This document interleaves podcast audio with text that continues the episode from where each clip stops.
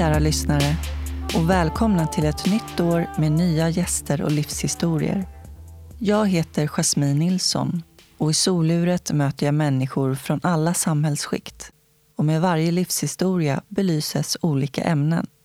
Jag är nyfiken på vad som formar oss till de vi är. Kan en avgörande händelse påverka eller definiera en människa? Eller är det årsringarna som formar oss? Hur påverkar miljöer och människor oss? Hur påverkas våra vägval av våra förutsättningar? Lite kuriosa om solur. Ett solur är ett mätinstrument för att mäta tid utifrån hur solen förflyttar sig under dagen.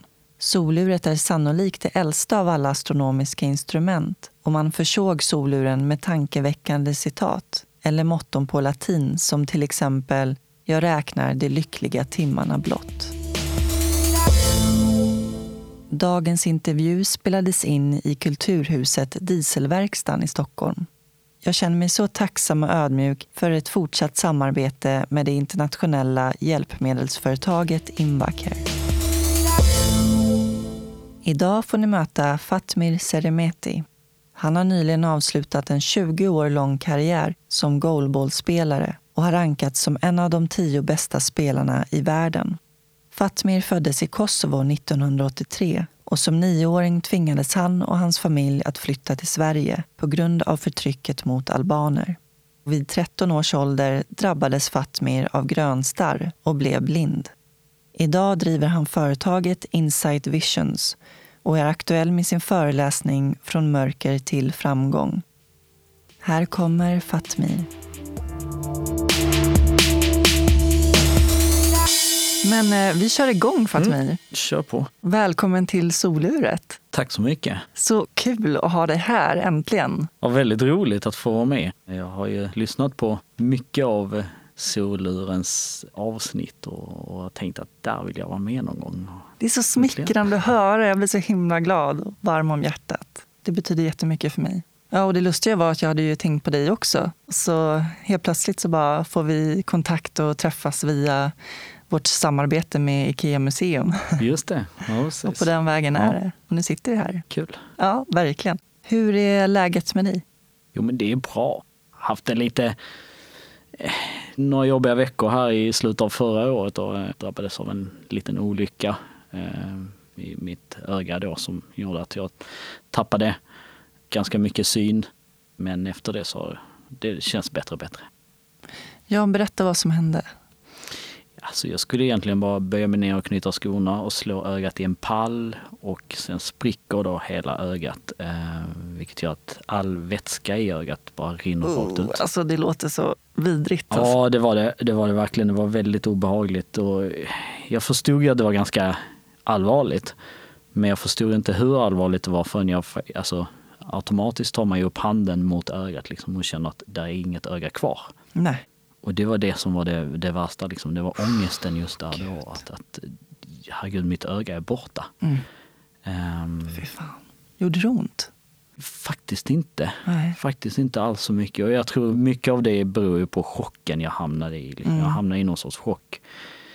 Men sen kom jag till sjukhus och dagen efter ganska tidigt blev det operation och så lyckades de sy ihop en, eh, en centimeter stort hål i ögat och fylla ögat igen med vätska. Och nu ser det ju ut precis som vanligt. Synen mm. är ju mycket sämre nu men, men eh, jag har inte ont och det känns väl som att man får glad, vara glad för det. Liksom. Att, ja. Äh, smärta i ögat hade jag inte fixat för det har jag haft förr och det, det är inte roligt. Nej, jag förstår det. Jag tänkte bara fråga dig, du tycker om att gå på musikal? Alltså det är ett intresse som jag har eh, fått på sista åren faktiskt. Och eh, jag tycker det är väldigt intressant och roligt det kommer nog bli betydligt fler musikaler framöver. Har du någon favorit hittills av dem du har sett? Book of Mormons. Okay. Definitivt. Det var, det var något av det roligaste jag har sett. Jag gillar när man skämtar lite om det här lite förbjudna och det här lite så här, drar lite över gränsen och sådär. Jag tycker det är fantastiskt kul. För jag tycker man ska få lov att skämta om allt till och med funktionsnedsättning. Ja, men det håller jag med dig om. Det är ganska skönt ja, med självdistans. Precis, så jag tyckte den var fantastiskt rolig. Men sen musikaliskt eller själva sångmässigt och sånt så tycker jag. Lejonkungen var jättebra men eh, Skönheten och odjuret i Malmö också var mm. fantastiskt bra. Tror du att det blir extra viktigt för dig, jag tänker med musiken och sången, för att du inte kan se? Jo men det tror jag absolut. Jag går ju på tillställningar där det finns syntolkning också. Mm. Där det finns liksom en person som sitter i lokalen så har jag en liten hörsnäcka i örat och som då talar om sådana detaljer som man visuellt behöver se för att kunna hänga med. Alltså tänk dig Skönheten och odjuret till exempel. Hur förklarar du klockan eller de där figurerna? Liksom. Ja, men, oh, tekannan och sådär uh. utan att veta om det eller att någon Precis. har berättat det för dig innan. Så, och du inte ser uh. så, så blir det svårt att veta. Men där tänker jag att när man syntolkar måste man ju vara ganska selektiv. Ja absolut, man kan inte ta med allt för då ska man prata hela tiden. Precis. Du har hållit på med goalball i 20 år och mm. bestämde mm. dig för att eh, avsluta din idrottskarriär. Ja, precis. Hur känns det, som ändå har varit en stor del av din identitet? Jag tror att eh, alltså just nu känns det ganska bra. faktiskt. Mm. Jag har ju så mycket andra saker hela tiden som händer med, med liksom mina föreläsningar, mitt företag och min bok inte minst och, och, alla de här sakerna som tar så mycket energi och tid och, och, så också. Jag tror att när det väl lugnar ner sig så kanske det kan kännas lite, lite jobbigare. Men jag tror att hade jag tagit det här beslutet för fyra år sedan eller fem så hade det varit betydligt mer jobbigare. Och det tror jag beror på den identitet man har som elitidrottare. Du sysslar inte bara med en sport utan du är, det är en stor del av ditt liv, det är en stor del av din identitet. Och det betyder ju att allt du gör kretsar ju kring det. Mm. Eh, många vänner, mycket av omgänget. Eh, det mesta kretsar liksom. Är du elitidrottare, du tränar 10-12 pass i veckan. Det är liksom det man gör i stort sett. Det är det livet man lever. Och nu är det slut. Liksom. Ah. Nu tränar jag kanske 25 procent av vad jag tränade tidigare. Och det är klart att det är skillnad. Ja. Vi pratade lite om det innan här kring identitet, att eh, man är ett stort pussel och sen är det en massa bitar som skapar den man är. Vilka är de eh, främsta pusselbitarna som skapar Fatmir? Jag tror att, eh, ja, framförallt på senare tid, men, men även tidigare, har liksom, jag alltid brunnit för att göra skillnad. Att eh, finnas till och vara en röst för de som går igenom kanske samma process som jag har gjort en gång i tiden. Framförallt med tanke på att jag själv har gått igenom den resan och vet hur mycket samhället ändå sviker. Vet hur mycket annorlunda människor med funktionsnedsättning måste leva och hur mycket mer vi måste kämpa för att uppnå samma resultat men framförallt att få samma respekt som alla andra så vill jag ju vara den här rösten och det är klart att det har varit en, en ytterligare en pusselbit. Sen är jag eh, pappa också till tre fantastiska barn. Eh, så det är, det är ytterligare en pusselbit. Så att, eh, som människa är man ju väldigt komplex mm. och det är oavsett om man har en funktionsnedsättning eller inte. Oavsett om man är elitidrottare eller inte så finns det alltid många sidor i en människa som man kanske normalt inte ser. Jag har ju fått äran att läsa ditt bokmanus, mm. Från mörker till framgång. Du är så ärlig i allt du berättar om, att du liksom förskönar ingenting tanken med, med boken var ju verkligen att, att ge en, en bild liksom hur det verkligen är och inte liksom dölja någonting och inte försköna någonting och inte Ja, men allting är inte en dans på rosor. Det finns liksom saker och ting. Det finns smärta, det finns sorg fortfarande än idag. Mm. Som jag arbetar med varje mm. dag. Och det är ju så livet ser ut. Livet är inte instafint alltid. Nej, det är ju inte det. Hur känns det att skriva? det har varit eh, stundtals väldigt smärtsamt. har det varit. Men också stundtals väldigt kul och roligt. För det är inte bara sorgliga och tråkiga minnen utan det är även roliga och, och häftiga saker mm. man har fått vara med om som jag nu har fått sätta på pränt. Men vissa av de här delarna liksom med, med de här riktigt smärtsamma har jag ju faktiskt, eh, det är saker som jag har glömt bort. Saker som jag själv valt att begrava och lämna på grund av att de har varit för smärtsamma. Och nu när jag håller på med boken så, så vill jag få fram dem också. Och då har det varit otroligt smärtsamt att, att dra fram det och, och sätta pränt på det. Men det har också varit lite terapeutiskt att kanske nödvändigt till och med att få bearbeta de här smärtsamma minnena. Även förstå hur andra tänkte. Nu som vuxen och man har en helt annan empati och tanke på hur gjorde, hur tänkte de här andra människorna runt omkring mig till exempel i olika situationer. Och vad var jag då? Det är väl klart att, att det finns ju saker som, det finns inte någonting som jag ångrar idag. Men det finns ju saker som jag kanske hade gjort annorlunda om jag hade haft bättre vetskap och, och kanske lite större mod. Mm. Är det något specifikt du tänker på?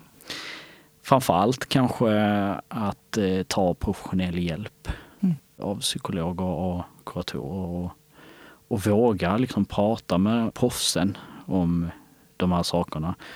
Hade jag bara kunnat liksom åka tillbaka i tiden och prata med den där lilla Fatmir som, som var så ledsen och så nere i sorg och, och besvikelse och allt, liksom att ta hjälp. Det är någonting som jag önskar att alla vågar göra. Att ta den där professionella hjälpen som mm. faktiskt finns. Mm. Och nu tycker jag att vi ska prata om vad det är som har format dig till den du är idag. Så att vi tar det från början. Mm. Du föddes ju det fantastiska året 1983, det vill säga samma år som jag föddes. Den 10 april i Kosovo. Precis. Du är det första barnet av fem syskon. Yes. Hur såg livet i Kosovo ut då? Alltså, det var en ganska, ganska bra barndom för mig i alla fall och för mina syskon. Vi hade ju tur egentligen att födas i en, i en hyfsat rik ska jag väl inte säga, men vi behövde inte vara oroliga om vi får mat om dagen eller inte. Så i början där var det, var det ganska bra. Mm. Men sen blev det ju mer och mer oroligt eh, i landet i och med att regimen i, i Serbien, alltså de politiska beslut som de tog med, med att eh, först börja ta bort Kosovos autonoma självständighet och sen eh, ta över då instanser en efter en. Sparka alla med albansk bakgrund till exempel. Och till slut gick man ju också på den privata sektorn och började konfiskera egendomar och konfiskera företag och så. Och då blev det ju tufft för alla, eh, även oss. Så det blev ju sämre och sämre. Framförallt var det otryggheten som väldigt snabbt växte till, alltså från att vara ganska tryggt i slutet på 80-talet till början på 90-talet och 91 92 precis innan vi flyttade var, kändes det alltså otroligt otryggt att bo i Kosovo som mm. kosovoalban. En systematisk etnisk utrensning. Ja, och det började redan liksom på slut på 80-talet och, och, fortsatte sen egentligen till krigets utbrott då 98. Mm. Men vi flyttade ifrån Kosovo 1992 i september. Mm. Men hur var du som barn då när ni bodde i Kosovo? Men alltså jag, var ju, jag var en liten glad sprallig kille som älskade fotboll. Alltså vi bodde ju ute på landet och jag var liksom igång från tidig morgon till sen kväll och levde för fotboll i stort sett och, och kompisar och skolan. Men eh, gradvis så försvann ju den där lilla tryggheten och, och det gjorde också att vi barn liksom blev mer och mer vi blir gradvis mer rädda om att gå ut och befinna oss ute och sen efter ett tag så fick vi inte gå i skolan som vi ville heller. Utan mm. då skulle man ju, vi var tvungna att lära oss bara serbiska till exempel. Och det gjorde ju att vi, vi fick ju se sådana hemskheter som att, att våra lärare slogs ner av den serbiska polisen och så. För de kom ju och såg oss lära oss albanska ändå. Så sådana såna saker ska ju liksom inget barn behöva se någonsin. Liksom. Nej, och vad tänkte du om det? Jag var ju ganska liten. Mm. Jag, jag, jag, egentligen var jag inte så ledsen. Jag hatade mest. Jag hatade de som gjorde så. Varför gjorde de så? Vad gjorde vi liksom, där i vår lilla skola? Mm. Vi gjorde inget, våra lärare gjorde inget. Det var, det var inte så mycket rädsla. Det var inte så mycket, jag var inte så ledsen. Jag var mest jag hatade dem mest. Mm. Vad gjorde det med dig då när man hatar så mycket? Det är ju, det är ju fruktansvärt att ett barn ska behöva känna så. Men jag tänker att det är ju, man känner att det här är orättvist. Varför gör de så jag här? Jag tror att det har lagt grunden lite grann till, till den person jag är idag. Jag hatar orättvisor. Mm. Jag, jag fullständigt exploderar när jag märker orättvisor. Framförallt medvetna orättvisor som, som pekar ut en viss grupp eller en människa eller någon felaktigt eh, på något sätt. Som mm. förminskar andra människor. Och det var väl det jag kände att Alltså den här maktlösheten, hopplösheten. Jag var så liten. Jag gick liksom bara i ettan när jag såg min lärare bli nedslagen första gången i skolan. De här stora, starka polisen och militären som liksom tog sig in i skolan och eh, behandlade oss, alltså, jag ska inte säga som djur, för att de behandlade sina polishundar otroligt bra. Utan någonting ännu värre, någonting, någonting utanför, liksom, som någonting som bara ska liksom göras av med, något skräp. Och den orättvisan, den, den hade jag ju som barn jättesvårt att, att, att förstå. Och, och, det la ju grunden till, till ganska mycket. Alltså, som barn drömde jag ju om att ja, men någon gång ska jag ge igen för de här, till de här människorna. Någon gång ska jag växa upp och då ska jag ge igen. Det är mm. klart, vad skulle jag kunna gjort? Ja. Men det är ju det, förtryck eh, skapar ju hat förstås. Ja. Och till slut så brister det om man vill göra någonting åt det. Ja men tänk dig om du växer upp som barn med de scenerna, med, de, med den hopplösheten, med den maktlösheten som du, som du som barn känner, men du kan inte sätta ord på det. Nej. Du kan liksom inte förstå det på något annat sätt än att, att det bildas upp ett, ett tryck långt in i bröstet på dig och, och, du känner bara att någon gång ska jag bara ge igen. Mm. För fan alltså, det här, det här är bara så vidrigt liksom. Att det är klart att om det får lov att, att gro, tänk om jag hade fått liksom inte kunnat komma därifrån mm. och, och levt där. Alltså, förr eller senare hade jag, om jag inte fått min synnedsättning vill säga, också dragits till gerillaarmén och befrielsearmén. Då. Ja, det kan jag förstå.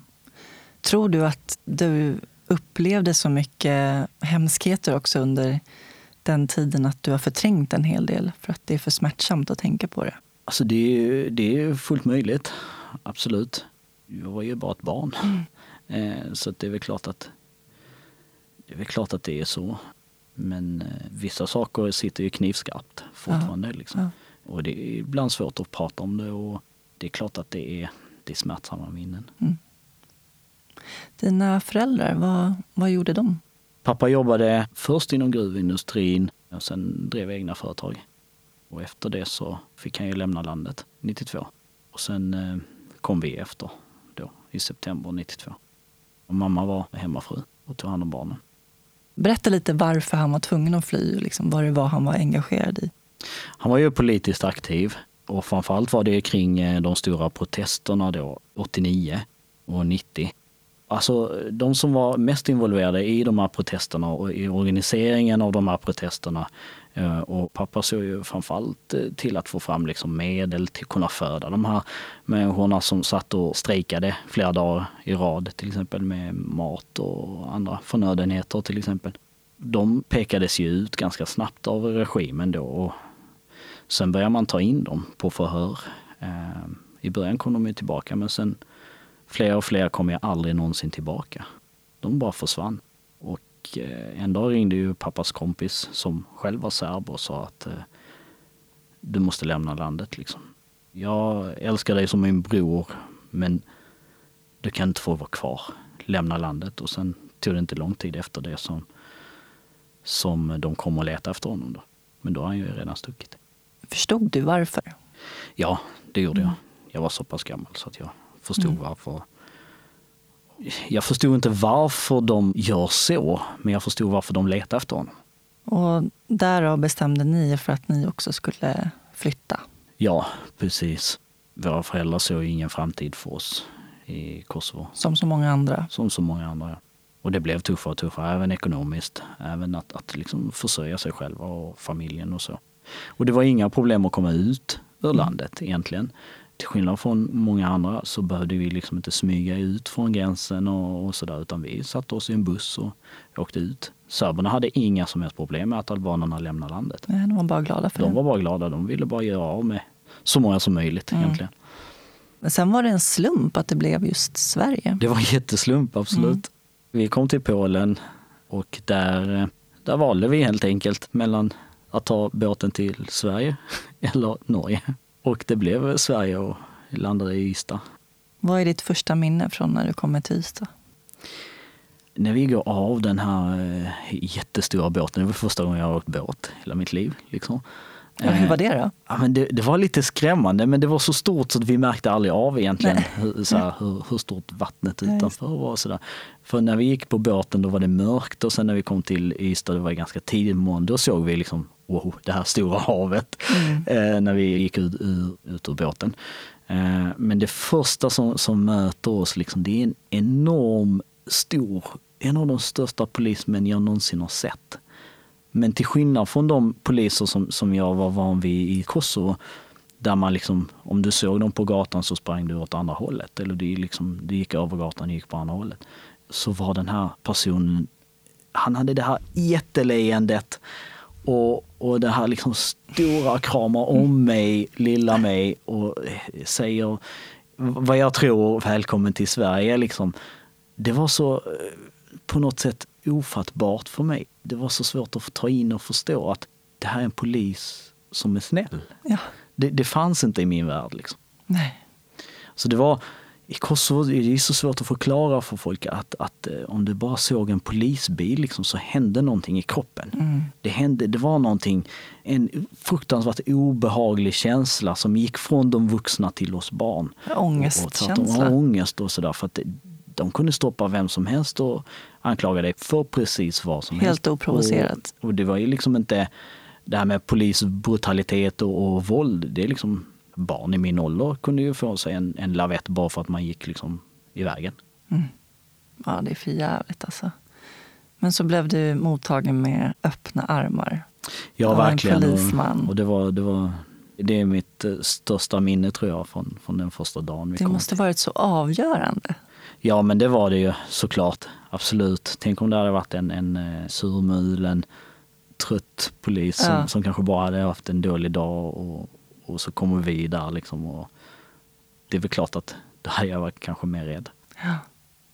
Vad var nästa steg efter när det kommit till Ystad?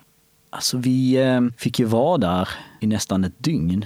De satte upp eh, så här tältsängar och sådär för det var ju ganska många som kom samtidigt som oss. Eh, så det måste vara svårt att ta hand om alla på en gång. Liksom. Sen dagen efter så bussades vi till ett militärområde ett ställe som heter Skillingaryd någonstans i Småland. Då var vi ett flygfält någonstans och där bodde vi i tält i nästan tre veckor. Så min lillebror tyckte det var jättekonstigt och så bara han klagar mamma och pappa för att varför har vi lämnat vårt stora fina stenhus ja, för att bo här i ett hus av, av tyg? Han visste ju liksom inte mer. Eh, Hur gammal var han då? Vad kan han ha varit? Han är född 87. Ja men fem typ. Ja. Och han tyckte det var fruktansvärt jobbigt. Han bara, nej men jag vill inte bo här. Ja, det är klart. och vi bodde ute i, alltså det var skog och skog och skog liksom. Det var också första gången som jag såg en svart människa. Okej. Det var en, en jättesnäll man som jobbade i köket där vi fick mat. Jag stirrade på honom bara sådär, helt oförstående. Herregud, en svart människa i Sverige. eh, och vi hade ju hört så många storyn om Sverige, liksom att ja, men, ska ni verkligen till Sverige? Där går ju massa isbjörnar på gatorna. Och mm. De bor ju typ i såna här eh, iglos. iglos och sånt. Och det var, det var verkligen, ja, och så ser ja. man en svart människa. Liksom. Ja, wow! Lite oväntat. ja, det var väldigt oväntat var det mm. faktiskt. Eh, mm. Så det var, det var många intressanta minnen. Men framförallt var det ju liksom det här skogen som var så stor. Alltså visst, vi hade ju skog i, hemma i Kosovo också. Men det var, inte, det var inte så stort, det var inte så mycket som här.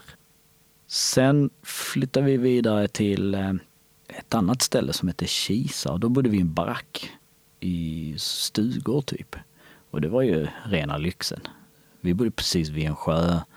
Jag tillbringade så många dagar med att sitta och meta liksom, och fiska och sådär och, och, bara känna det här lugnet. Liksom. Och det är det jag förknippar Sverige med tror jag framförallt. Det är det här lugnet, det här naturen den här storslagna naturen som vi har i Sverige. Som jag tror så många, en hel del förstår inte vilken skatt vi faktiskt har Nej. i det här landet. Det är sådana minnen som är så skarpa i mig nu när, när jag tänker tillbaka mm. på den första tiden i, i Sverige. Det var just när jag satt där på den här liksom, lilla bryggan och metade. Jag kunde sitta där, alltså tänk jag var, jag var 9-10 mm. och kunde sitta där och, och meta liksom timmar i sträck och bara njuta av lugnet och naturen. Det var helt underbart. bara fanns, jag bara levde där och då. Och efter eh, Kisa så hamnade vi ett par veckor här uppe i Stockholm faktiskt. Okay. I Östberga. Hur var det? Det måste ju varit kontrast. Det var jättekontrast, absolut. Och då bodde vi på ett hotell. Mm. Det var också ett par veckor. Och det jag inte visste då, som kom fram många, många år efter, det var att en av mina bästa kompisar idag bodde bara ett kvarter därifrån. Nej. Jo. En av mina bästa vänner, Stefan då, bodde bara ett kvarter ifrån det här hotellet som jag tillbringade flera veckor i. Alltså världen är liten. Ja, verkligen. Och det kom vi fram till på en liksom goalball-tävling många, många, många år efteråt. Efter det så hamnade vi i Norrköping där mm. vi fick vänta på ja, men så här, klartecken om vi får stanna i Sverige eller inte. Och ja, så. det är en lång process. Det är en lång process. Jag tror totalt tog den väl nästan två och ett halvt år innan vi fick besked om att vi får lov att stanna i Sverige. Och det var inte alls säkert. Liksom. Det var många som skickades tillbaka. Tufft, och som är små barn också. Ja, men precis. Det var många, många barnfamiljer som skickades tillbaka, absolut. Mm. Men framförallt var det yngre män som skickades tillbaka, som min morbror då som också var i Sverige med oss. Men han fick ju åka tillbaka. Vad fick ni barn göra under de här två och ett halvt åren? Liksom? Vad, hur såg vardagen ut? Fram till vi hamnade i Kisa så gick ju inte vi i skolan utan vi, vi bara var varje dag. Typ. Eh, det kom ju vissa ja, men, frivilliga och sådär och lekte med oss och hjälpte oss på olika sätt och Röda Korset kom med kläder och massa sådana saker. Så vi kom ju ändå i kontakt med, med svenskar på ett sätt. Men det var egentligen inte förrän i Kisa som vi började skolan. Okay. Och det var där vi, alltså vi gick ju först i en egen klass, vi barn som var invandrare liksom. Men eh, ganska snabbt så blev vi blandade med andra barn också. Och det var första gången som jag fick uppleva en svensk jul. Det var så häftigt på ett sätt. Det var så intressant och ganska surrealistiskt. Liksom. Men så här, herregud, de tar in ett träd inomhus. Varför? Och vi var, vi var ju, många var från Kosovo, några var från Bosnien och det var ganska, alltså väldigt många från liksom före detta Jugoslavien.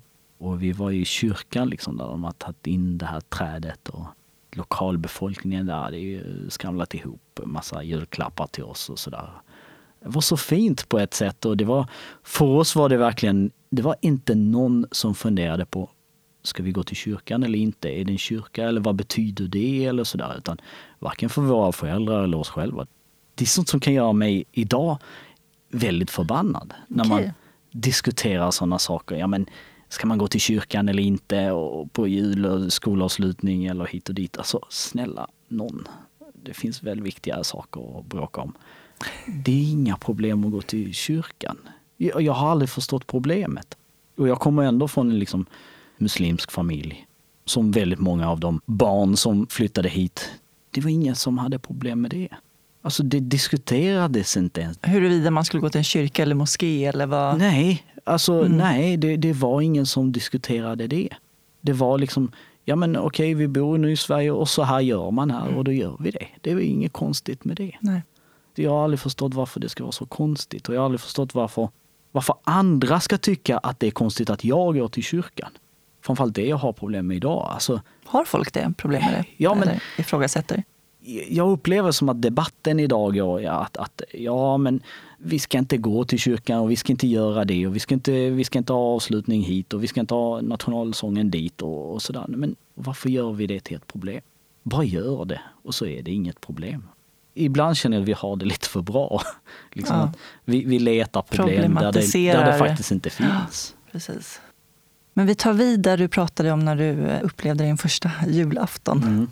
Men det var ju också så här, det var liksom helt okända människor som kom dit och tog hand om oss och lärde oss många saker. just den här mysiga julkänslan fick vi ju känna väldigt tidigt. Ja, men vi förstod att det här är viktigt för Sverige. Det här är viktigt för folk som bor i Sverige. Och de vill att vi ska känna samma sak. Mm. Och de vill liksom släppa in oss i det här och få oss att förstå att det här är en högtid där man bryr sig om varandra, där allting är väldigt fint och trevligt och, och mjukt på något sätt.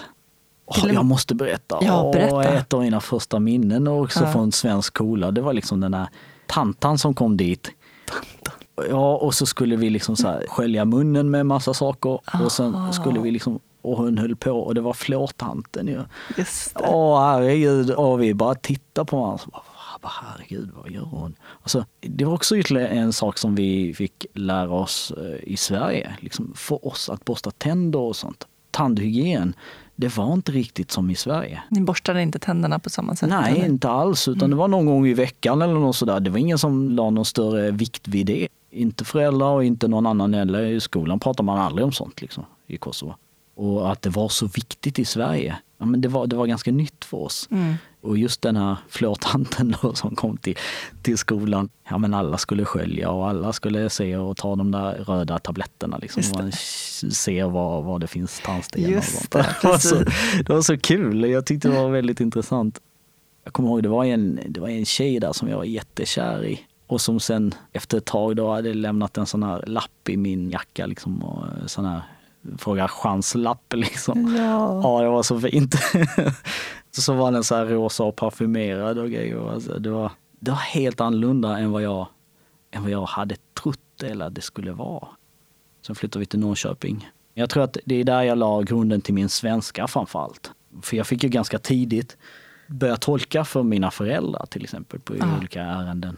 Eh, och även ganska snabbt även för föräldrars vänner och kompisar också som liksom bodde i samma flyktingförläggning och sådär. Så jag fick ju ta ett ganska stort ansvar väldigt tidigt. Och ibland funderar jag liksom så här, herregud, hur ska jag säga, jag vet inte ens vad det heter på albanska. Och numera är det så här, ja. jag har ingen aning. jag har tappat albanskan mer och mer faktiskt. Hur tycker du så här i efterhand när du blickar tillbaks när det gäller integrationen? Hur upplevde du att det fungerade för er? För oss barn var det ganska bra, tycker jag. För våra föräldrar var det katastrofalt. Mm. Jag tycker inte alls att det funkar. Man hade en tanke om att man ska ta hand om oss som kom och det var ju det är klart att det var ju Många var ju traumatiserade, många hade stora problem och bekymmer och många gick i tankar men någon gång ska jag väl, jag ska väl flytta tillbaka liksom, till mitt land och till min jord och till min, det jag ska ta hand om. Liksom. Men det blev ju aldrig bra och det kunde man ju kanske inse ganska snabbt att det där kommer bara urarta. Liksom precis som överallt annars i Jugoslavien. Men tänk dig att de här människorna, liksom, min mor var ju van vid att gå upp tidigt på morgonen. Vi hade ganska mycket jord, vi hade ganska mycket djur. Hon tog hand om allt det där själv medan pappa var ute och jobbade. Från tidig morgon till sen kväll. Det gjorde ja. de allihopa. Mina föräldrar, deras syskon, alla jobbade stenhårt. Och så kommer man då till Sverige och så får man då lite bidrag så att man, alltså förhållandevis var det inte dåligt med pengar som man får. Det var ju ganska bra med pengar ändå. Vi, hade, vi var ändå fyra barn. Och behöver inte jobba. Och så kan man sitta liksom och spela kort och fördriva dagarna genom att röka och dricka te. Så deprimerande. Och spela kort. Alltså det, det blev deprimerande och det blev ju problem också mellan, ja men, mellan flyktingarna sinsemellan. Vissa av dem började ägna sig åt kriminalitet och sådär. Det är inte någonting att göra. Alltså sitta dag in och dag ut, dag in och dag ut och inte göra någonting. Nej, alltså, det så vill ingen ha det. Nej. Framförallt de två, två och ett halvt, tre första åren liksom, tills vi fick uppehållstillstånd. Det var verkligen så här, de gjorde ingenting. Det är lång tid. Det är jättelång tid. Tänk dig från att liksom ha jobbat mer än tio timmar per dag ja. och vara van vid det till att komma och inte göra någonting. Det är klart att det gör saker och ting med människor. Så att, nej, jag, jag, tycker inte alls det fungerade i, i början.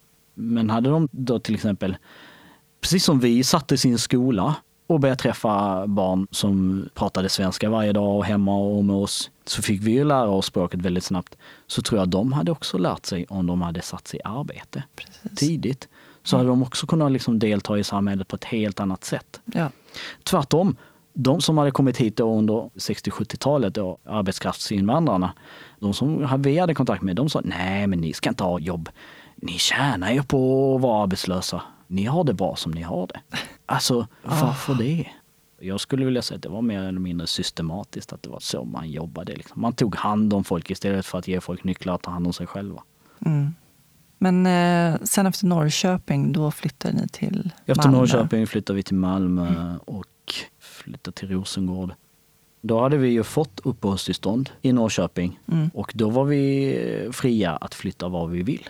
Att det blev Rosengård och Malmö, det var ju lite grann att mina föräldrar ville komma lite närmare kontinenten. Tänkte att i en stor stad så finns det mer möjligheter. Och ytterligare ett exempel på den här systematiska diskrimineringen av människor, av dugliga människor, som man, som man placerar då. Jag tror inte alltså i efterhand att det var en slump att vi hamnade på Rosengård om vi ändå skulle hamna i Malmö. Mina föräldrar hade inget jobb och kunde inte välja själva var de skulle flytta utan man, man tog kontakt med det kommunala bostadsbolaget i Malmö och så fick man lägenhet där. Varför fick vi inte lägenhet någon annanstans? Exakt. Och det är det som gör mig eh, fruktansvärt irriterad idag. Ja, du varför, segre- ja. precis, varför segregerar ja. man människor från början? Mm. Det, var liksom, det var ju i stort sett samma gäng som hade bott i Norrköping som hamnade sen i, ja. i Rosengård. Det var samma gäng som hade hängt med från Ystad egentligen, eh, halva landet upp till Stockholm och tillbaka igen. Och varför hamnade då alla på Rosengård? Precis. Det kan man ju undra. Ja. Nu sitter jag här med min kära samarbetspartner Invacare och framför mig har jag ingen mindre än VD Thomas Müller. Hur är läget med dig? Läget är alldeles utmärkt, Jasmine. Härligt det att höra. är nytt år och nya möjligheter. Hur känns det inför det nya året? Oh, det känns eh, fulladdat skulle jag vilja säga. Mm. Vi har eh, ett späckat program. Vi kommer först och främst att möta marknaden i Lund redan i mars. Och eh, vi har en hel del nya produktlanseringar.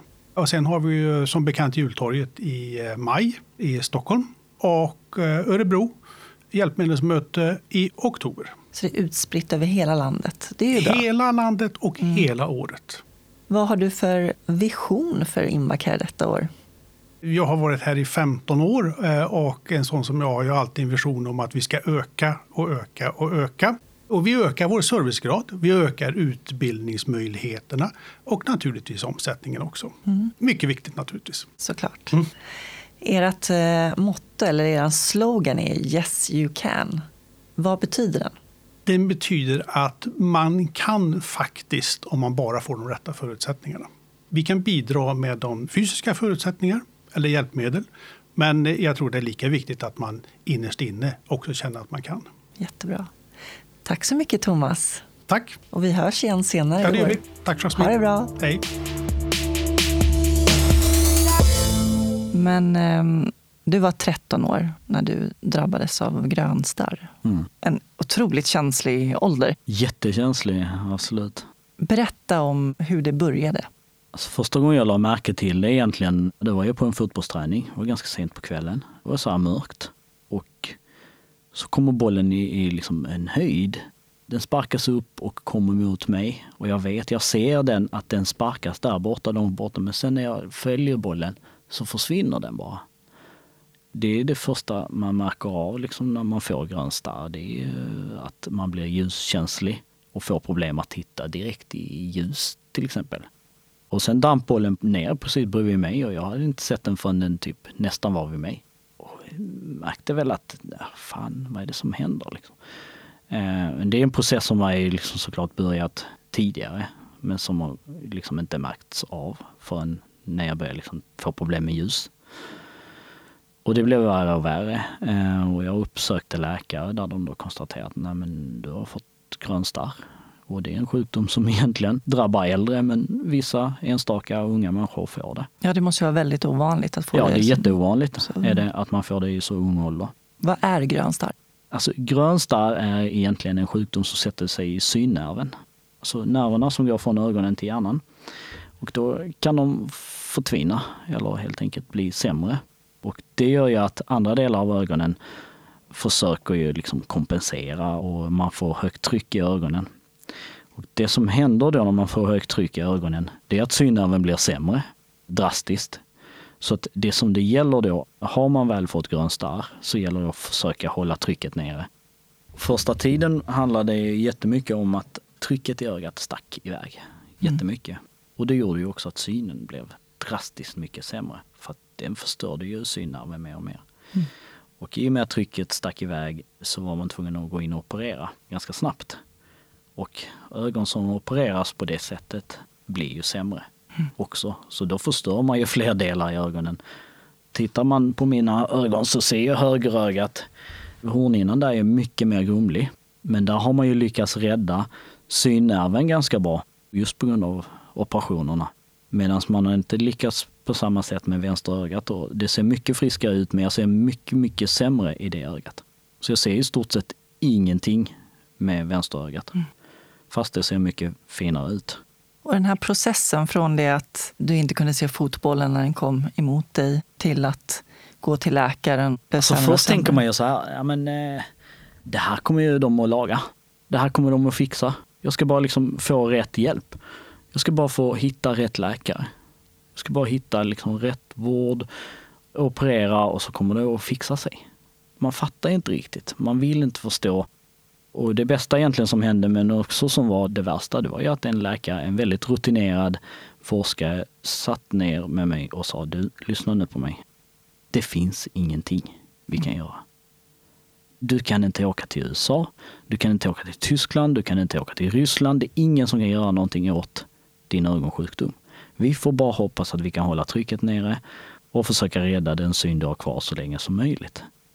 Han var brutalt ärlig och det var jättejobbigt att höra det, men det var något av det bästa jag kunde höra. Mm, jag förstår det. Men trots detta, liksom så, mina föräldrar var nog de som tog det ännu tuffare mm. än mig.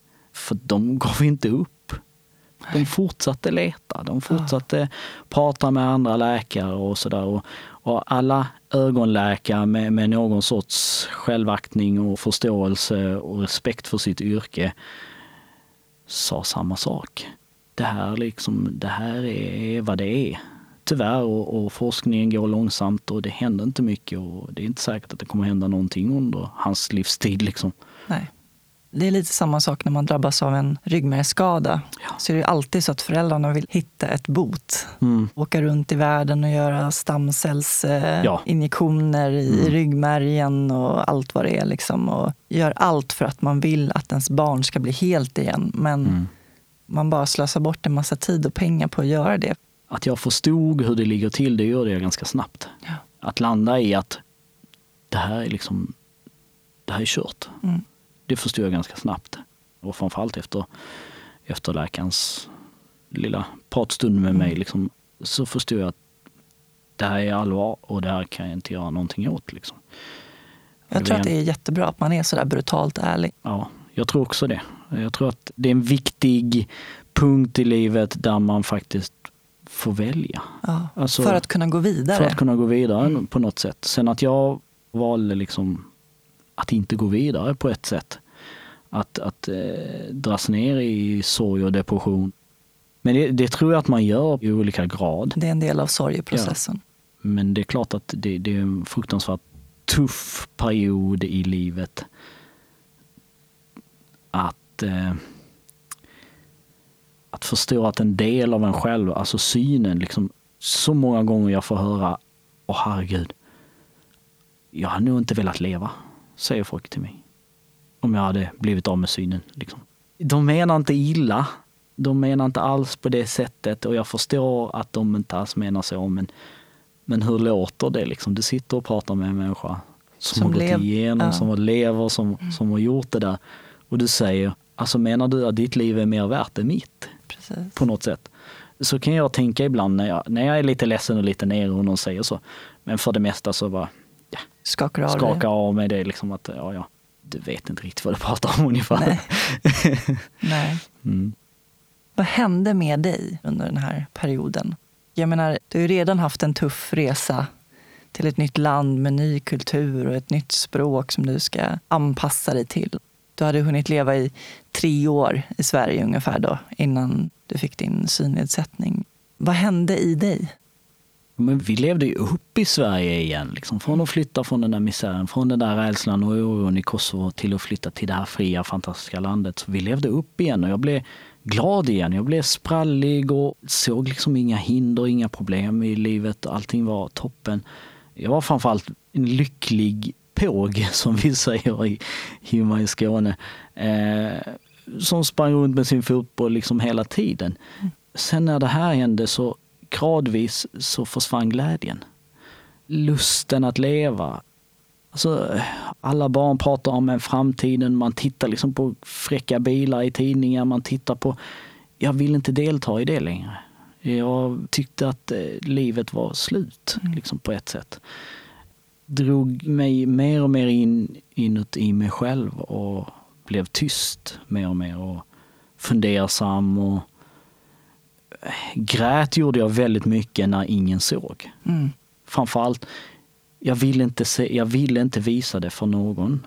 Men så fort jag hade en chans att vara själv, då liksom kunde jag inte hejda tårarna. Man vill inte göra sina föräldrar ledsna heller. Nej, de, de var ju fruktansvärt ledsna ja. som det var. Liksom. Ja. Så jag vill inte göra dem ledsna. Jag vill inte visa för mina syskon och jag vill inte visa för någon i skolan och sådär att jag, att jag var så ledsen mm. som jag var. Men så var du äldst också ja, av syskonen? det var jag. Så jag kan tänka mig att du kände ett visst ansvar.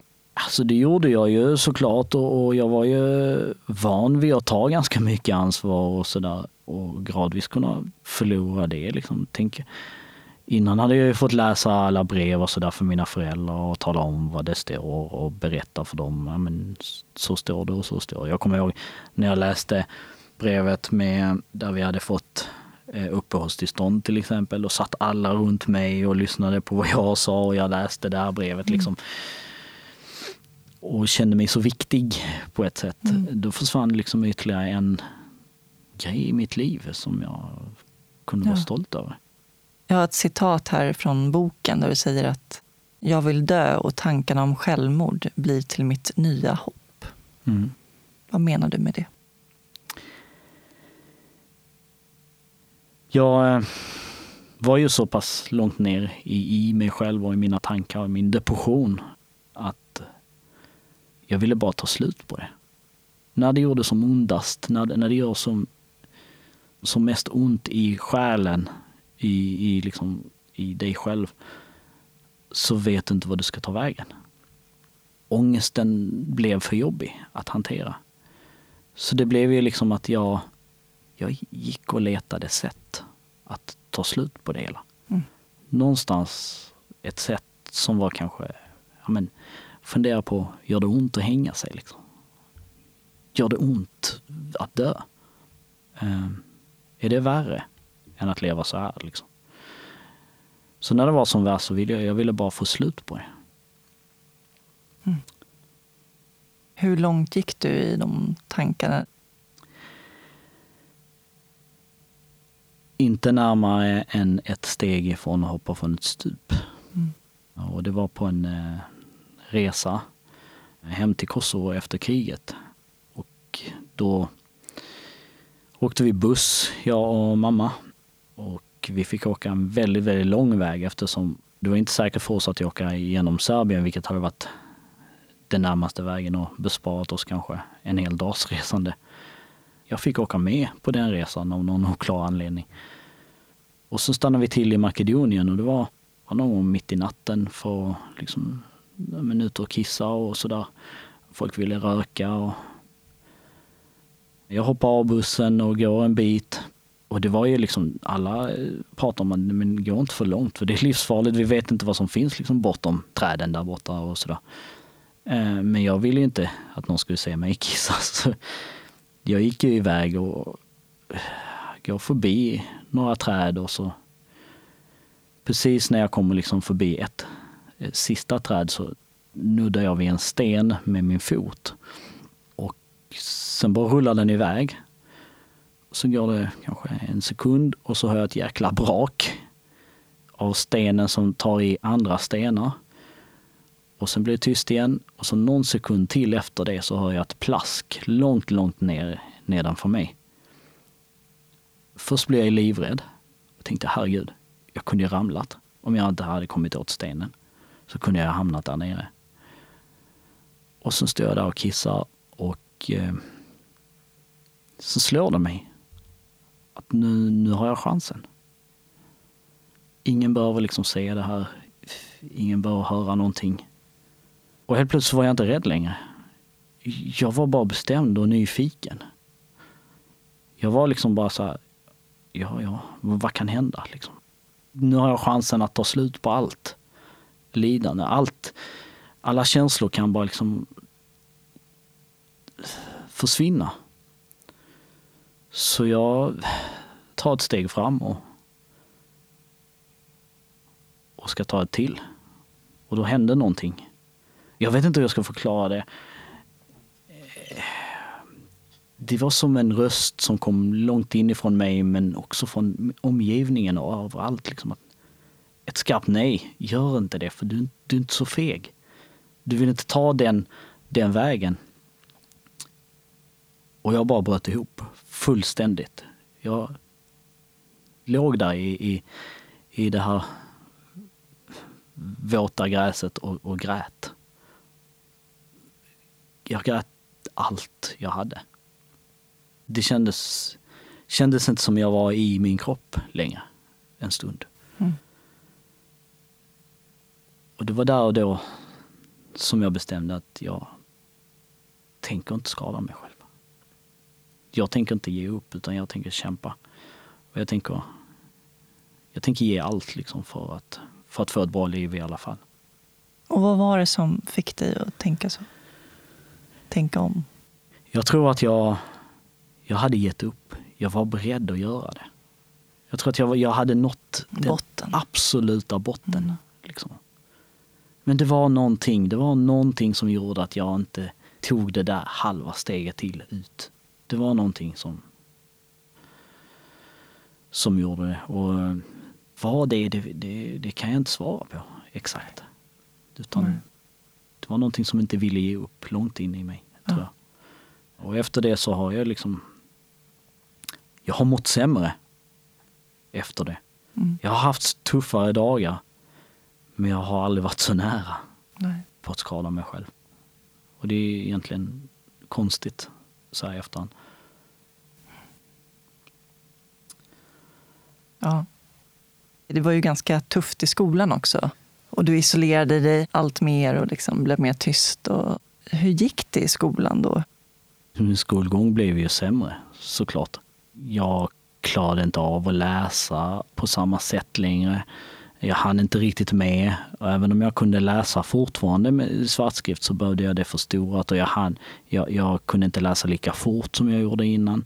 Jag fick hålla pappret väldigt nära ansiktet och det gjorde ju också att jag blev eh, kände mig lite utstirrad och uttittad så jag, jag gjorde det helt enkelt inte alls.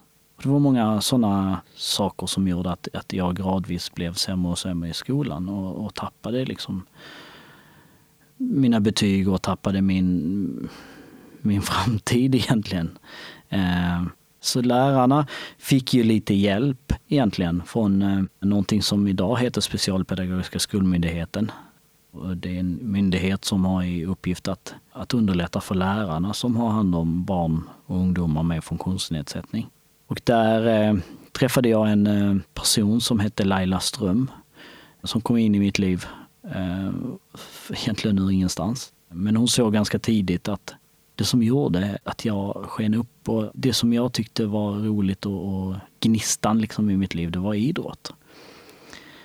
Och hon eh, mer eller mindre tvingade mig att åka upp hit till Stockholm. Och på den tiden var det på Tomtebodaskolan.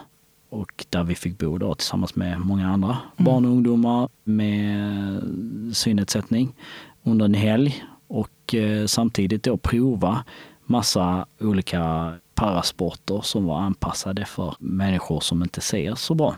Men det var ju liksom första gången som jag kom i kontakt med andra människor med samma typ av funktionsnedsättning som jag själv. Det måste ju betydit enormt mycket. Alltså för jag ville inte åka först. Nej. För jag, ville inte, jag identifierade mig inte med Nej, människor som hade någon typ av funktionsnedsättning eller synskada.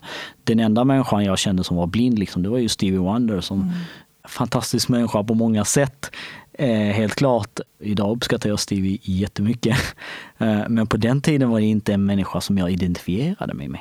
Och därför kände jag, nej men jag vill inte åka till Tomteboda och till Stockholm och träffa alla andra för de, de är ju typ likadana. Det var de inte. Utan de var precis som jag. Vissa av dem hade gått igenom samma, exakt samma process som jag har gjort och, och som nu var liksom, ja, men nästan vuxna och hade fina liv och, och studerade och där jag kunde se att fan alltså, det är möjligt att göra precis vad som helst egentligen. Där de själva liksom satte begränsningar på vad de kan och inte kan och, och vad de vill och inte vill och inte någon annan. Det är så avgörande att få träffa förebilder. Och det gjorde ju att jag också lite mer började våga använda mina hjälpmedel i skolan till exempel. Min kikare som jag hade för att se på tavlan med. Mm. Exempelvis. Du skämdes? Jag, jag skämdes jättemycket. Men när jag såg att de här, ja men Stefan och Jimmy och Sara och alla de här coola killarna och tjejerna från Goldbollen. Ja men de pratade om det som att det vore ingenting. Mm. Så här, ja men det är klart man ska använda sin kika i skolan. Det är ju enda sättet att, att se. Ja. Ja men då kände jag så här, men jag är inte ensam. Liksom. Det finns fler. Mm. Eh, och, och, då började jag våga använda mina hjälpmedel mer. Och då började det också gå lite bättre i skolan. Mm. Sen är ju mobbningen är ju såklart att, alltså det är väl klart det finns olika former av mobbing. Mm. Den som kanske många fler ägnade sig åt omedvetet. Den tysta. Avståndstagande, tysta. Mm. Och att jag var så mycket ensam till exempel. Jag tror att det kan handla mycket om rädsla också. Man inte vet hur man ska ja, det, bemöta. Det, precis. Sen är det ju klart att hade jag inte satt stopp för, eh, för den fysiska mobbingen som jag gjorde. Mm, eh, jo, jag har läst. Så, Då jäklar satte du ner foten. Också. Ja, precis. Men det var liksom, det gick inte längre. Nej. Jag var liksom bokstavligt talat in mot väggen. Jag fick liksom välja antingen att, att få slut på det här så, eller så fortsätta liksom leva med det här resten av min skoltid. Alltså jag kunde ju slåss. Jag hade gjort det tidigare. Jag gick på boxning också, thaiboxning. Jag visste hur man gör. Men jag ville inte. Jag ville verkligen inte och jag tror, jag tror det är det som skiljer folk som verkligen kan slåss och som tränar kampsport från de som inte gör det. Vi tränade för att inte slåss. Vi fick alltid lära oss det att ni ska aldrig någonsin slåss. Och jag skämdes jättemycket. Jag skämdes redan innan det hände att, att det skulle hända. Jag tyckte det var jättejobbigt att behöva försvara mig. Liksom. Men till slut så slår det slint. Och jag tror det var rädslan över att det aldrig kommer ta slut som tog över. Det var mer rädsla än, än mod. Det var mer fruktan och sorg som tog över, liksom, som, som gjorde att, att jag till slut slog tillbaka. Men jag blev ganska snabbt bra. Och det var ju kanske väldigt mycket tack vare min bolltalang som jag alltid haft. Och kom med i, i vårt A-lag då i klubben bara ett och ett halvt år kanske efter jag började spela. Eh, och fick spela mitt första SM och jag hade egentligen bara tur att en av eh, de bästa killarna bröt foten och kunde inte vara med. Så jag fick ju en startplats ganska snabbt. Och det handlade mer eller mindre om att överleva egentligen eh, och, och, klara det. Men vi tog faktiskt klubbens första SM-guld då och det var egentligen där det började. Att jag, jag kände att det måste varit en triggare. Det var en jättetrigger eh, för att jag kände att jag kan bli bra på någonting. Ja. Jag kan bli bäst på någonting. Äntligen har jag liksom ett mål. Jag vågar drömma igen. Ja, jag vågar, att sträva, vågar sträva efter. efter någonting. Och, jag känner igen och det är klart att jag var så långt ifrån landslag och Paralympics och VM och allt möjligt just där och då. Men jag kände att fan, kan jag komma hit? Kan jag liksom klara mig på den här nivån och ta ett SM-guld? Det finns liksom inga begränsningar på hur bra jag kan bli. Sen hade jag tur också att träffa på rätt människor, träffa på rätt tränare. Den första tränaren till exempel, Henrik, han mer eller mindre tvingade ur mig just det där att våga säga, men vad, vad är ditt mål? Vad vill du? Jag, men jag vill bli bäst. Alltså bara att säga de mm. orden utåt till någon annan. Just. Det liksom befäster lite grann en målsättning. Man kan inte bara ha en målsättning i det själv och gå själv och tänka på det utan ibland måste man ut med det. Mm. Och säga, nej men det här, det här vill jag. Det här kommer jag att arbeta för. Och jag gjorde allt och lite till för att bli bättre och bättre och kom med i landslaget. ganska snabbt också. Redan mm. året efter första SM-guldet gjorde jag min första landslagsturnering och två år efter SM-guldet så var jag med och tog VM-guld. Kanske inte fick jättemycket speltid men liksom att känna att jag är bäst i världen mm. på någonting. Och vi ska säga att det är en väldigt stor sport internationellt. Ja, det är det verkligen. Mm. Det är liksom över 120 länder som håller på att spela. Och det är jätte, jättetufft. Eh, men att komma hem till Malmö och gå där på gatorna och jag börjat gymnasiet liksom och gick på gymnasiet och känna att jag är bäst i hela världen mm. på någonting. Det gör saker och ting med en. Det gör ju också att den här sorgen över det man förlorat, depressionen blir lite lättare att hantera. Allt annat blir liksom, alla problem och bekymmer blir lite lättare när man är världsmästare. Man hittar en mening, tänker jag. Ja. En ja, mening men, med att leva. Precis. Och då sätter man ju upp nya mål. Liksom. Ja. Och det största man kan få vara med om som parasportare, det är ju ett Paralympics. Såklart. Och då kommer ju det målet liksom, eh, fram att jag ska sträva mot Paralympics. Det är fullt möjligt.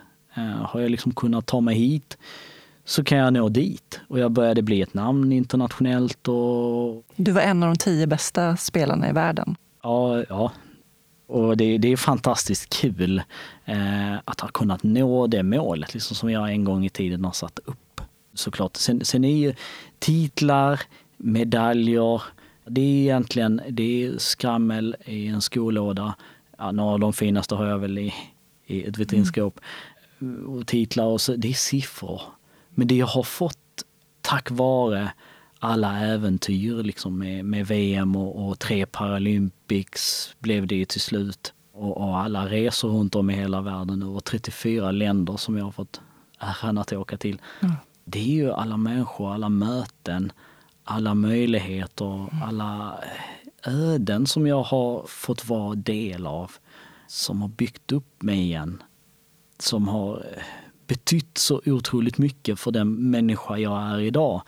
Um, har gett mig perspektiv på mm. livet på ett helt annat sätt än vad jag kanske någonsin hade haft mm. om jag hade sett fullt. Så det är väl klart att det finns ju saker och ting som jag absolut inte skulle vilja ändra. Även om jag kanske skulle vilja ha tillbaka synen så skulle jag inte vilja bli utan de erfarenheter som jag har fått ta del av. Tack vare att jag faktiskt fick en synnedsättning. Att, eh, att spela inför 12 000 människor i Brasilien på Paralympics 2016 mot Brasilien i en bronsmatch. Det är få människor förunnat att höra, att känna den vibrationen av 12 000 sjungande brasilianare som driver fram sitt lag. Det är någonting som är, som är större i alla fall än vad jag någonsin har upplevt och vad jag någonsin kommer att få uppleva tror jag. Det, det, var en, det, var en, det är en känsla som är svår att förklara för någon som inte varit där. Och då var jag ändå så pass gammal så att jag faktiskt vågade stanna upp efter en stund och trots att vi förlorade bronsmatchen med ett mål på golden goal, att stanna upp och ta in stämningen, ta in det här och, och någonstans kändes det som att det var nog det sista Paralympics jag gjorde. Att leva här och nu har jag fått lära mig genom golfbollen jättemycket. Vad innebär det för dig att vara människa? Det är en väldigt djup fråga. Ja, som man kan tolka på olika man sätt. Man kan tolka på väldigt många olika sätt. Men för mig, att vara människa, det, det är att få vara fri. Att älska vem man vill. Att få lov att eh, uppfylla dina, dina drömmar. Att få lov att vara, vara självständig men ändå liksom kunna ja, men känna och få lov att älska vem man vill, tror jag. Det tror jag är, för mig är jätteviktigt. Speciellt med tanke på den hederskultur som du kommer ifrån. Ja, precis. Dina föräldrar ville gifta bort dig. Och jag brinner ju jättemycket för de frågorna också. Jag brinner mm. för väldigt många frågor med, med just eh, den aspekten också. Att, att ha en funktionsnedsättning och komma från en hederskultursamhälle eller eh, hederskultursproblematik kanske. Eh, det är en fråga som aldrig diskuteras någonstans. Och särskilt att vara man, tänker jag. Ja, precis. Man pratar ju jämt om, om hedersvåld och hederskultur och hedersrelaterade problematik och, och då menar man oftast liksom kvinnor och tjejer. Men man glömmer ju att det finns väldigt många män också som drabbas jättehårt av det. Kanske inte riktigt på samma våldsamma sätt som flickorna gör, men männen gör det också. Så jo, att vara människa, det är att få vara fri och få älska vem man vill. Tror du på ett liv efter detta? Absolut. På vilket sätt? Jag har så svårt att tro att eh, men människor som du själv och jag och många andra och egentligen alla människor på jorden får gå igenom så många saker. Bara för att man ska sen dö och så bara försvinna någonstans. Ja. Jag, jag, tror inte att det är liksom meningen. Jag tror att meningen är att det ska komma någonting efter. Mm. När känner du dig fri? När jag är ute i någon park eller skogen med Gibson. När jag liksom bara kan få vara för mig själv. Gibson är din ledarhund? Gibson är min ledarhund, ja. Mm. Då känner jag mig fri. Men det är också de stunder när jag spelar goalball eh, där synen absolut inte betyder någonting. Det rör mig lika fritt och lika ledigt och enkelt som vilken idrottare som helst i, i sin idrott. Där jag får leva ut, där jag får visa mina skills, där jag får eh, utlopp för, eh, för allt jag kan och vill. Och det är ingen annan än mig själv som sätter hindren. Då känner jag mig fri. När känner du dig sårbar? Det är när jag möter orättvisor i samhället framför allt. Menar att någonting inte är eh, öppet för mig bara för att jag har en funktionsnedsättning. Eller att någon ser ner på mig eller inte kan se, inte kan se förbi min synnedsättning och se min potential utan man ser bara till min synnedsättning. Vi skulle kunna stå i ett rum, till exempel 10-12 människor och jag, och så ska vi flytta på en stol eller ett bord. Hur många av de här människorna skulle fråga mig om hjälp? Mm. Fast jag lyfter säkert mer än dubbelt så, så mycket som de allra flesta i, i det rummet på gymmet. Ja. Fast jag har tränat kanske fyra gånger mer än vad de någonsin kommer göra. Vem skulle fråga mig om hjälp om att flytta ett tungt bord? Då kan jag känna mig sårbar, då kan jag känna mig otillräcklig. Sen är det ju så, idag känns det ju mer och mer otryggt ute i samhället tycker jag. Och med min dåliga syn så kan jag ibland känna mig sårbar rent fysiskt. Mm. Jag är mer sårbar än andra om det skulle hända någonting. Som när jag gick vid Centralen i Malmö och det helt plötsligt börjar smälla inifrån Centralen och så kommer en massa poliser och ber oss att springa därifrån, gå därifrån. Och då blir det liksom så här, var ska jag ta vägen? Vilket håll? Var är säkrast? Var är säkert att gå? Ja, då är du utsatt. Eh, alltså. Jag är jätteutsatt och då känner jag mig jättesårbar. Liksom. Mm. Då känner jag mig att, fan, liksom. Då kan jag bli arg på min synnedsättning. Det var ju när eh, den här mannen som sköts på Centralen av polisen, han som påstod sig ha haft vapen i sin väska eller mm. Eh, bomb eller vad det Och jag gick precis utanför Centralen då. Och så jag hörde ju smällarna. Ja. Eh, men, men i sådana tillfällen kan jag känna mig väldigt sårbar. Liksom att ja, men den säkerheten finns liksom inte riktigt Nej, där. Jag förstår. Vad drömmer du om? En stor dröm som jag har idag det är att jag någon gång ska få se någon som sitter i rullstol eller någon som, som går med blindkäpp och som rekryteras från ett stort bolag till ett annat som vd. Ja. Det vore fett. Ja, tänk den dagen. Liksom. Tänk den dagen där vi kommer dit där vi kan få vara med på samma villkor som, ja. som alla andra i arbetslivet, i samhället, i det sociala. Överallt. Tänk den dagen där folk i rullstol och blindkäppar och ledarhundar och andra är mainstream i media och tv, radio.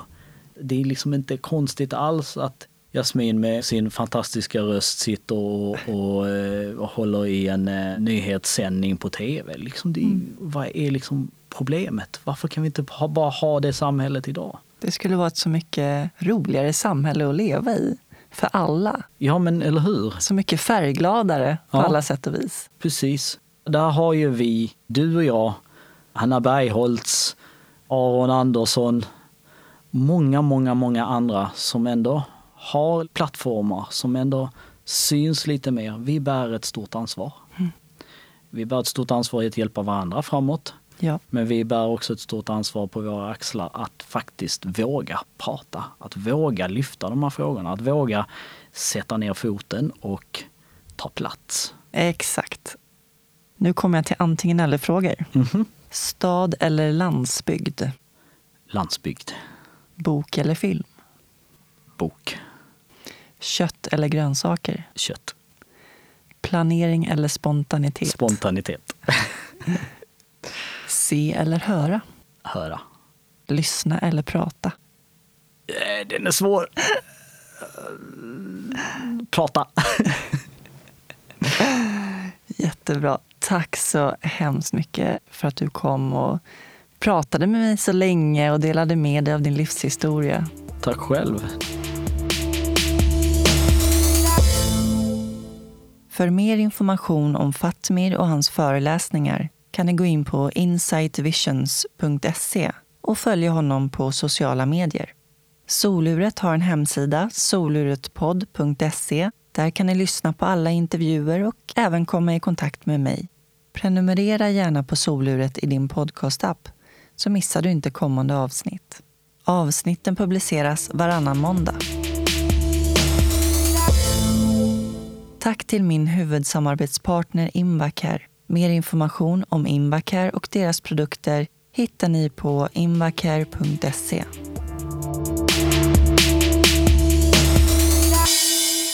I nästa avsnitt får ni möta José Botera. Det blir den första intervjun i soluret som görs på engelska. José är en överlevare från folkmordet mot tutsier i Rwanda. Hon var bara 19 år och på 100 dagar slaktades och mördades 800 000 tutsier. Det tog 25 år innan José kunde berätta om vad hon har varit med om. Och jag är tacksam för att hon delar med sig av sin livshistoria i soluret. Idag arbetar José som IT-ansvarig på Rwandas ambassad. Tack så mycket för att ni lyssnade och ta hand om varandra där ute. Puss och kram. Hej då.